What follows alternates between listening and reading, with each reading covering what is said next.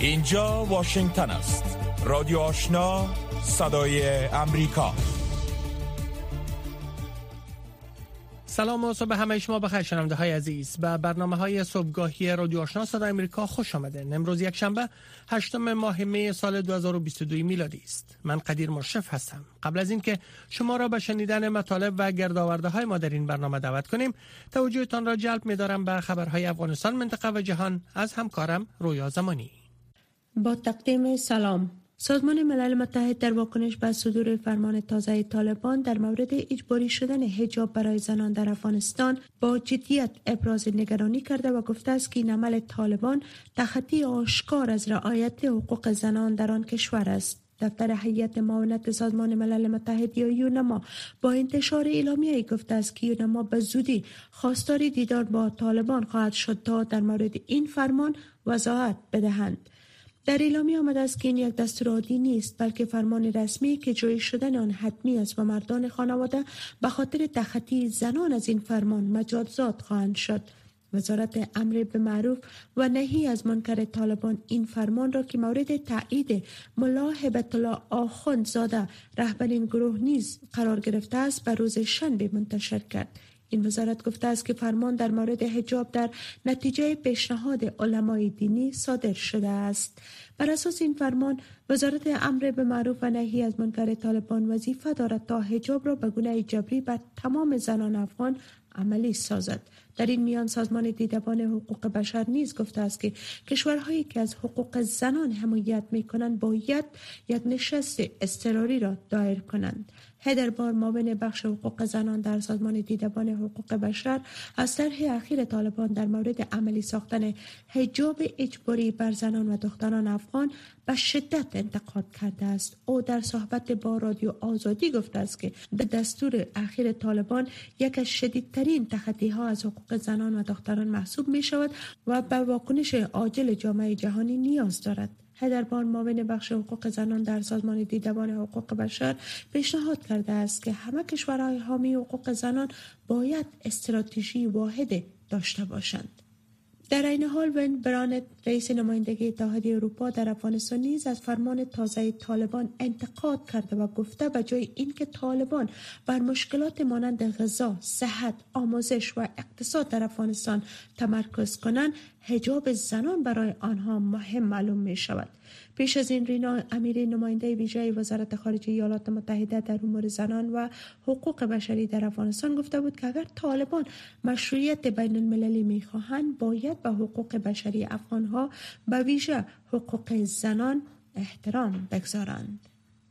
پاکستان از فرستادن نخستین محموله کمک های بشری این کشور برای رسیدگی به سیلاب زدگان در افغانستان خبر داده گفته است که این کمک ها در آینده نیز ادامه خواهد یافت شرح بیشتر این خبر را از قدیر مشرف مشنوید منصور احمد خان سفیر پاکستان در کابل روز شنبه در یک پیام تویتر نگاشته است که این کمک ها شامل خیمه، مواد خوراکی و دواست که توسط یک تیاره نظامی به ولایت بلخ انتقال داده شده است.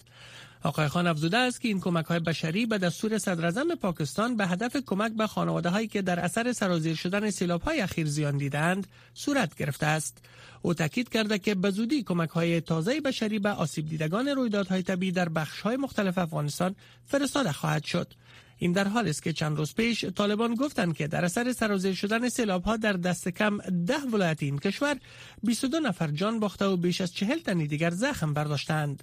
اما گفته می شود که آمار قربانیان سیلاب ها در حال حاضر در افغانستان دو برابر شده است. خبرها را با آخرین تحولات جنگ از اوکراین ادامه می دهیم. جو بایدن رئیس جمهوری ایالات متحده بسته تسلیحاتی جدید 150 میلیون دلاری به اوکراین را که شامل مهمات توپخانه و رادار می شود اعلام کرد و کنگرس این کشور خواست بسته کمک 33 میلیارد دلار شامل 20 میلیارد دلار کمک نظامی را برای اوکراین تصویب کند. تفصیل بیشتر را از سید عزیز رحمان مشنوید. روسیه روز شنبه اعلام کرد که یک دیپوی بزرگ تجهیزات نظامی از ایالات متحده و کشورهای اروپایی را در نزدیکی ایستگاه راه آهن بوهدوخیف در منطقه خارکیف منهدم کرده است. وزارت دفاع روسیه همچنان گفت که 18 تأسیسات نظامی اوکراین از جمله سه دیپوی مهمات در داچین نزدیک شهر بندری اودیسا در جنوب این کشور را هدف قرار داده است. این در حال است که اردوی اوکراین می‌گوید پنج روستا در شمال شرق خارکیف را از کنترل نیروهای روسیه خارج کرده است. به نظر می رسد هدف از این حملات تهاجمی به عقب راندن نیروهای روسیه و متوقف کردن امکان گلوله باران دومین شهر اوکراین توسط نیروهای روسی است. بررسی مستقل اظهارات هر یک از طرفین در مورد رویدادهای میدان نبرد ممکن نیست. ایرینا ورشوچوک معاون صدر اوکراین می‌گوید که 50 غیر نظامی دیگر از فابریکای محاصره شده فولاد آزوفستال در شهر ماریوپول تخلیه شده اند. امانوئل ماکرون رئیس جمهور فرانسه روز شنبه هفتم ماه می ابدهم سرطه مراسم. برای دومین بار من حیث رئیس جمهور فرانسه سوگند ریاست جمهوری را ادا کرد. جزیات بیشتر را ارژیلا سمیه مشنوید لوران فابیوس رئیس شورای قانون اساسی فرانسه در این مراسم اعلامیه رسمی نتایج انتخابات را قرائت کرد. فیبیوس پس از ادای مراسم تعلیف مکرون را رسما به عنوان رئیس جمهور فرانسه اعلام کرد. در این مراسم بیشتر از 100 مهمان به شمول فرانسوا اولاند و نیکولا سرکوزی رؤسای جمهور پیشین فرانسه نیز دعوت شده بودند. آقای مکرون نخستین رئیس جمهور فرانسه است که طی 20 سال گذشته برای دومین بار متواتر به عنوان رئیس جمهور انتخاب شده است. قبل از این ژاک شیراک رئیس جمهور پیشین فرانسه در سال 2002 میلادی برای دو بار به کرسی ریاست جمهوری آن کشور انتخاب شده بود. مکرون در دوره دوم انتخابات ریاست جمهوری در 24 اپریل با کسب امتیاز 58.55 رای توانست در برابر رقیب راستگرای افراطیش مریان لوپن پیروز شود. مکرون که به عنوان جوانترین رئیس جمهور فرانسه در سال 2017 به قدرت رسید وعده اجرای اصلاحات رو داده بود و در جریان تصدی نخست ریاست جمهوریش سرانجام توانست تا با تطبیق اصلاحات سن افراد بازنشسته را افزایش دهد. مارین لوپن رقیب انتخاباتی آقای مکرون که در انتخابات دور نخست ریاست جمهوری فرانسه 23.1 درصد آرا را به دست آورده بود در دور دوم 42.8 درصد آرای مردم کشورش را به دست آورد. طی گزارش یک ناظر جنگ در سوریه تیاره های ناشناس روز شنبه مناطق نفخیز در شرق سوریه را که تحت کنترل دولت و گروه های همسو با ایران است مورد حمله قرار دادند.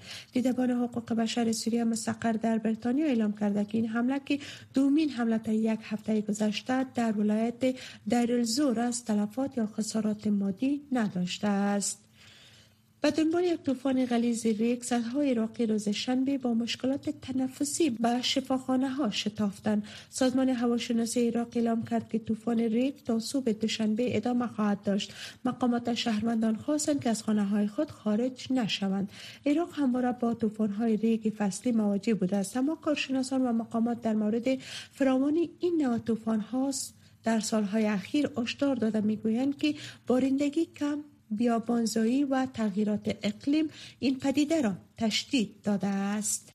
شمار تلفات جانی ناشی از یک انفجار قوی که روز گذشته در هتل مجلل در مرکز هوانا پایتخت کیوبا رخ داد کم از کم به 22 نفر رسیده است در اوایل عصر حداقل یک زن که امدادگران با او تماس گرفتن در زیر آوار زنده بود و احتمال می رود که افراد بیشتری هنوز هم در زیر آوار گیر ماندن و جستجو برای یافتن آنها جریان دارد. کمیشنری حقوق بشر سازمان ملل متحد روز شنبه نسبت به درگیری های مرگبار اخیر بین مسلمانان و مسیحیان ارتودکس در ایتوپیا هشدار داده و از مقامات خاص عاملان را به دست عدالت بسپارند.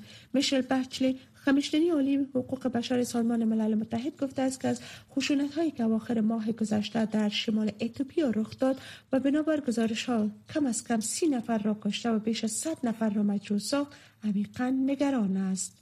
مقام های کره جنوبی و ژاپن می‌گویند که به نظر می رسد کره شمالی به سمت بحیره ژاپن یک راکت فیر کرده است. لوی رسیز کره جنوبی در بیانیه گفته است که نوعیت این راکت شناسایی نشده است. اما وزارت دفاع ژاپن در توییت امروز گفته است که ممکن است که راکت بالستیک بوده باشد. کره شمالی از ماه جنوری به این طرف 14 آزمایش تسلیحاتی را انجام داده است. و در آخرین خبر نتایج قرعه‌کشی سالانه گرین کارت ایالات متحده یا اقامت دائمی امریکا روز شنبه هفتم ماه می اعلام شد. ایالات متحده هر سال بیش از 50 هزار نفر را از ده ها کشور از جمله افغانستان را به عنوان برنده قرعه‌کشی گرین کارت برمیگزیند که این افراد می توانند به ایالات متحده مهاجرت کنند. وزارت خارجه ایالات متحده در رهنمایی فارسی خود می‌گوید چنانچه شماره تاییدی تان را در اختیار ندارید در قسمت بررسی پرونده روی گزینه Forget Confirmation Number کلیک کنید و با وارد کردن برخ اطلاعات شخصی دیگری که در زمان ثبت نام از آن استفاده کرده اید می توانید شماره تاییدی تان را بازیابید. وزارت خارجه تاکید می کند که هرگز ایمیل مبتنی بر پذیرش یا عدم پذیرش در قرعه‌کشی به افراد نمی فرستد و شما نمی خواهد توسط پست یا سرویس های مانند Western Union پول ارسال کنید. این بیانیه تاکید می کند که هر گونه ایمیل یا مکاتبه از این دست جعلی است و تنها محل موثق برای دریافت وضعیت درخواست قرعه‌کشی گرین کارت وبسایت رسمی قرعه‌کشی می باشد. برندگان خوشچانس پس از پر کردن فرم های لازم و مصاحبه با سفارت امریکا اجازه ورود به ایالات متحده را خواهند داشت. شرکت در لاتری گرین کارت امریکا رایگان است. شنونده های محترم این بود مشروع خبرها تا این لحظه که تقدیم شما شد. روکو راست صحبت های داغ صاحب نظران در مورد خبرها و مسائل روز هر شام از ساعت 8 تا 9 شب در برنامه مشترک دری و پشتوی رادیو آشنا صدای امریکا. بخش زنده این برنامه را در نشرات ماهواره صدای امریکا نیز دنبال کرده می توانید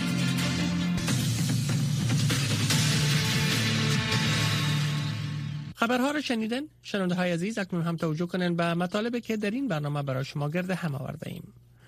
وزارت امر به معروف و نهی از منکر طالبان در یک حکم جدید از تمام زنان در افغانستان خواسته است که حجاب اسلامی را رعایت کنند. در این حکم گفته شده چادری و لباس مروج سیاه رنگ موسوم به حجاب نیز حجاب شرعی پنداشته می شود اما برخی از فعالین حقوق زنان می گویند که چادری حجاب متعارف زنان افغان نبوده و طالبان آن را برای اعمال اراده مردان بالای زنان تحمیل می کنند جزئیات این مطلب را از همکارم مومن واحدی میشنویم. وزارت امر به معروف و نهی از منکر طالبان در یک حکم جدید از تمام زنان در افغانستان خواسته است که حجاب اسلامی را رعایت کنند.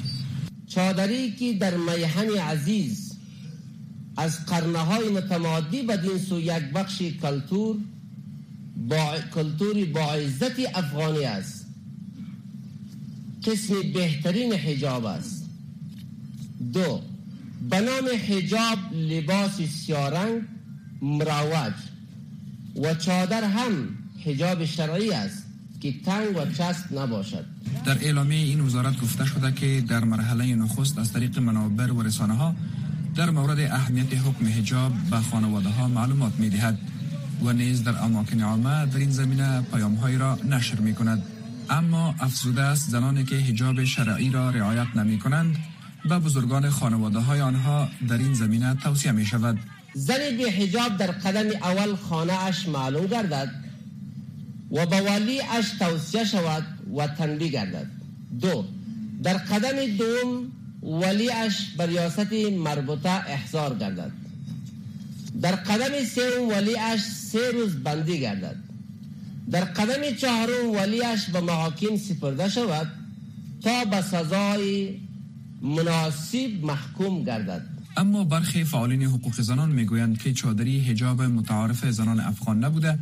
و طالبان آن را برای اعمال اراده مردان بالای زنان تحمیل می کنند چادری هجاب متعارف زنان افغانستان نیست. من فکر می کنم که چادری را طالبا به عنوان هجاب نه بلکه به عنوان ایمال اراده مرد بر اراده زن تحمیل می‌کنه بالای زنان. چنانچه اگر زنان از چادری استفاده نکنن و یا قبول نکنن چادری را جزای از این موضوع را به مردا تعیین کردن.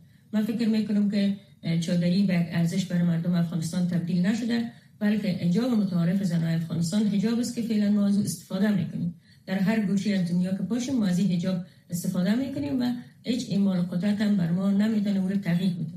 این در حال است که قبل بر این نهادهای جهانی حمایت از زنان از وضع محدودیت زیاد حکومت طالبان بر زنان ابراز نگرانی کردند. پیش از این رینا امیری نماینده ویژه وزارت خارجه ایالات متحده در امور زنان و حقوق بشر در افغانستان گفته بود که اگر طالبان مشروعیت بین المللی می خواهند باید به حقوق بشری افغانها به ویژه حقوق زنان احترام بگذارند. انتظار به پایان رسید. بینندگان و شنوندگان عزیز بعد از این می توانید برنامه های صدای امریکا را از طریق شبکه ماهواره جدید ببینید و بشنوید. برنامه های تلویزیون آشنا سی دقیقه کاروان و برنامه های رادیو آشنا را می توانید در چنل 469 شبکه ماهواره یاست دنبال کنید.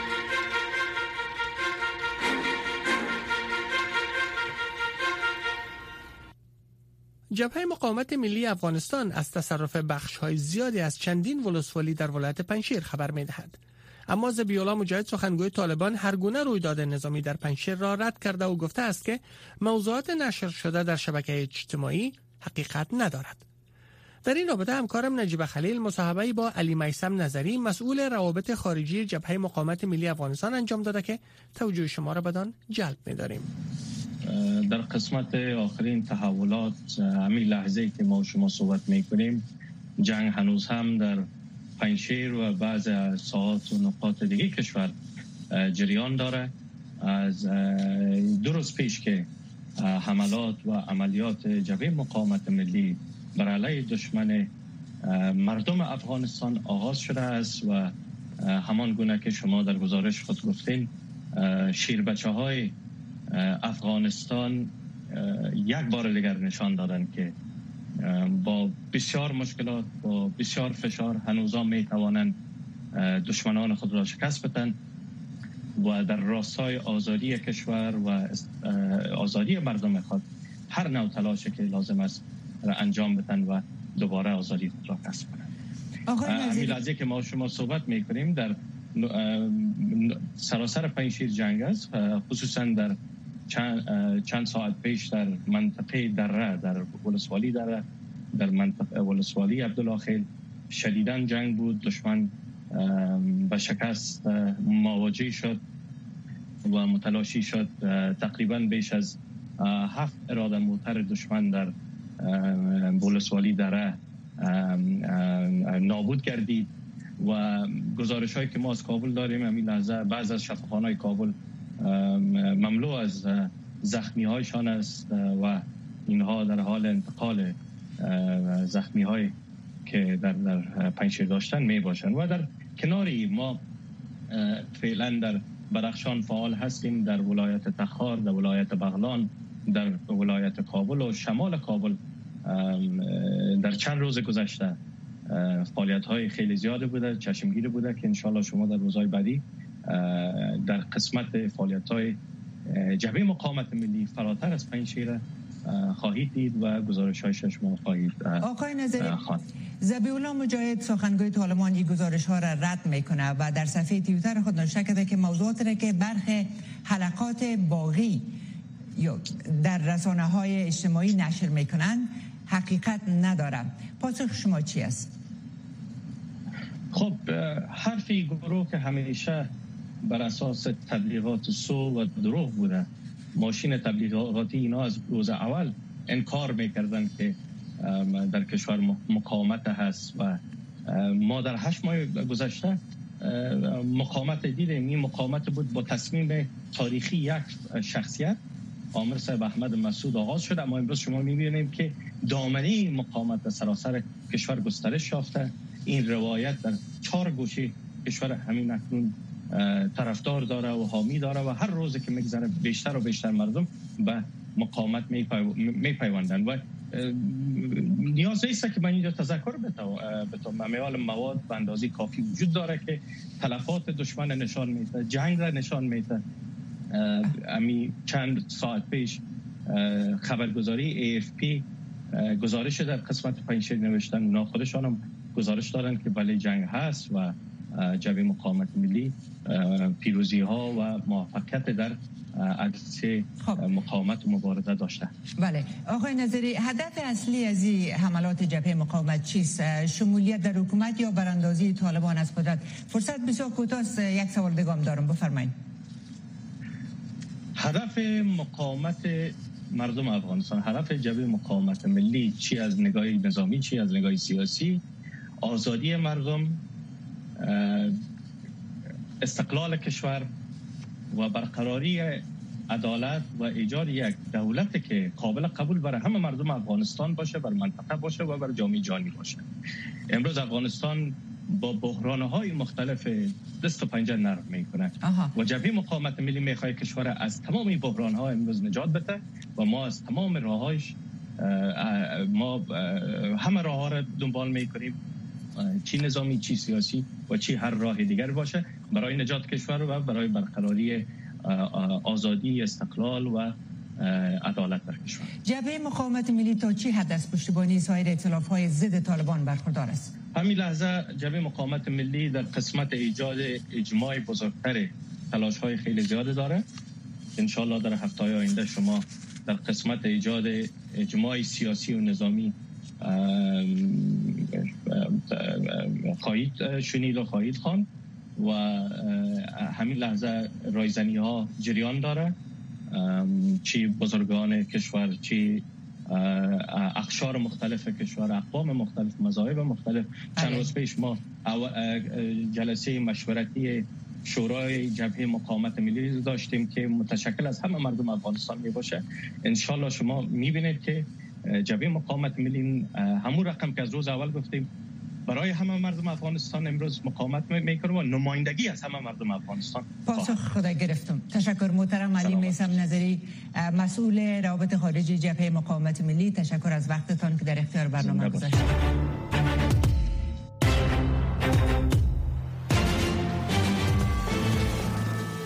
رکو راست. صحبت های داغ صاحب نظران و نظریات شنوندگان در مورد خبرها و مسائل روز هر شام از ساعت 8 تا 9 شب در برنامه مشترک دری و پشتوی رادیو آشنا صدای امریکا.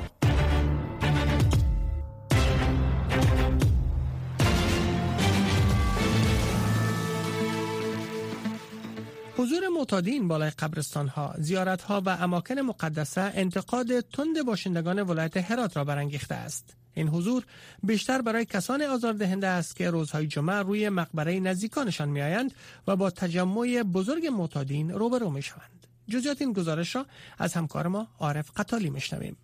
قبرستانی ها، زیارت ها و اماکن مقدسه در ولایت هرات مکان امن شده برای مصرف مواد مخدر معتادین. معتادین مواد مخدر می‌گویند در این مکان ها کمتر مورد آزار و اذیت قرار می گیرند و در مصرف مواد مخدر اینجا آرامش بهتری دارند. غیر قبرستونی دیگه جای به ما نمونده دیگه. ولی ایرانی تنیه ایران جو جگاه کارتون خوبای داره. به قبرستونی نمیان افغانستان هر جا ببین به قبرستونی معتاد پناه میاره. اما این حضور معتادین در این مکان ها برای باشندگان هرات اذیت کننده است. بیشتر از همه کسان را آزار می‌دهد که نزدیکانشون در اینجا دفن است. حفیظ الله هاشمی کسی است که در این قبرستانی مصروف بازسازی مقبره یک تن از نزدیکانشان است.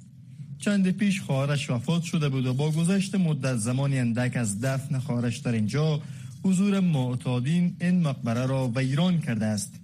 این اگر کس پیدا شه که جلو از اینا رو بگیره اینا رو جمعوری کنه گفته زیارت نیای هم خیلی کار خوبی هم ثواب میشه هم که مردای مسلمان اینا در از در امان میمونه هم زیارت شو خراب نمیشه مثلا سنگشو نمیشکنه دیگه نرد مرداش خراب نمیشه کسان دیگری هم هستند که نگران حضور معتادین در این مکان ها هستند و می‌گویند باید در چه زودتر معتادین را از اینجا دور ساخت و آنان را درمان کرد صبح ما آمادیم اینجا اونا بر طالبا بیا آمادی اکسا چهارتای هم بمونده ده گرد گم میگی بر بر بجزده بفهمیدی؟ اینه که امی تا نبود که راه پا نبود اینجا. در همین حال مقامات مسئول در ولایت هرات هم می‌گویند روند درمان معتادین در این ولایت جریان دارد. و تمام ملت غیور دردمن ما افغانستان یک صدای ما می‌کنیم که بیاید پلوی ما استاد شوی همراه ما کمک کنی که ما اگر تنها باشیم. مثلا توال 200 نفر داریم که او را جمعواری کنیم. اگر امو خیریه مردم خیور یا با ما همکار شود طی هشت ماه گذشته 1900 تن از معتادین از سطح شهر روی بلوارها و قبرستانی ها در هرات جمعآوری و در مرکز ترک اعتیاد زندان هرات درمان شدند. شنوندگان گرامی رادیو آشنا صدای امریکا نشرات رادیو آشنا را در موج متوسط 1296 موج کوتاه 11575 اشاری سفر و در موج 972 کیلوهرتز شنیده می توانید. شما شنونده برنامه های صبحگاهی رادیو آشنا هستند. رهبران هفت اقتصاد بزرگ جهان یا گروه جی هفت قرار است امروز یک شنبه نشست مجازی را پیرامون جنگ روسیه در اوکراین برگزار کنند. قصر سفید می‌گوید که در این نشست سران گروه جی هفت تحریم های اضافی بر روسیه را نیز مورد بحث قرار خواهند داد. نشست امروز یک شنبه درست یک روز قبل از 77 مین سال روز پیروزی اتحاد جماهیر شوروی بر آلمان برگزار می شود. همزمان با آمادگی های مسکو برای تجلیل از این روز حملات روسیه بر شهر خارکیف در اوکراین نیز تشدید یافته است. سید عزیز الرحمن با جزئیات بیشترین گزارش. وزارت دفاع روسیه به روز شنبه ادعا کرد که یک دیپوی بزرگی از تجهیزات نظامی را در مربوطات شهر خارکیف اوکراین از بین برده است. مسکو می‌گوید که این دیپو حاوی تجهیزات فراهم شده از سوی ایالات متحده آمریکا و کشورهای اروپایی بود. مقامات غربی در مورد این ادعای روسیه ابراز نظر نکرده اند ولی اردوی اوکراین می‌گوید که حملات روسیه بر خارکیف ادامه دارد. در استقامت سلوبوژنسک حملات دشمن در نزدیکی شهر خارکیف ادامه دارد. در استقامت اژیوم روزها با راه اندازی ماموریت اکتشافی هوایی می‌خواهند موقعیت نیروهای ما را مشخص سازند. قوای اشغالگر همچنان در دو منطقه دیگر سه پل مترو را انفجار دادند تا اقدامات نیروی دفاعی ما را بتی سازند. یک روز قبل از ادعای روسیه جو بایدن رئیس جمهور ایالات متحده امریکا یک بسته دیگری از کمک های نظامی به اوکراین را منظور کرد. این بسته که ارزش آن به 150 میلیون دلار می رسد شامل مرمی های توپ و دستگاه های رادار می باشد رئیس جمهور بایدن در یک اعلامیه گفته است که حمایت واشنگتن و متحدین آن نقش حیاتی را در جنگ کیف و ایجاد ممانعت در برابر اهداف جنگ پوتین داشته است. با گفته رئیس جمهور ایالات متحده با منظور کردن این بسته جدید حکومتش تقریبا همه آن پول را مصرف کرده است که کانگرس آن را اخیرا تصویب کرده بود.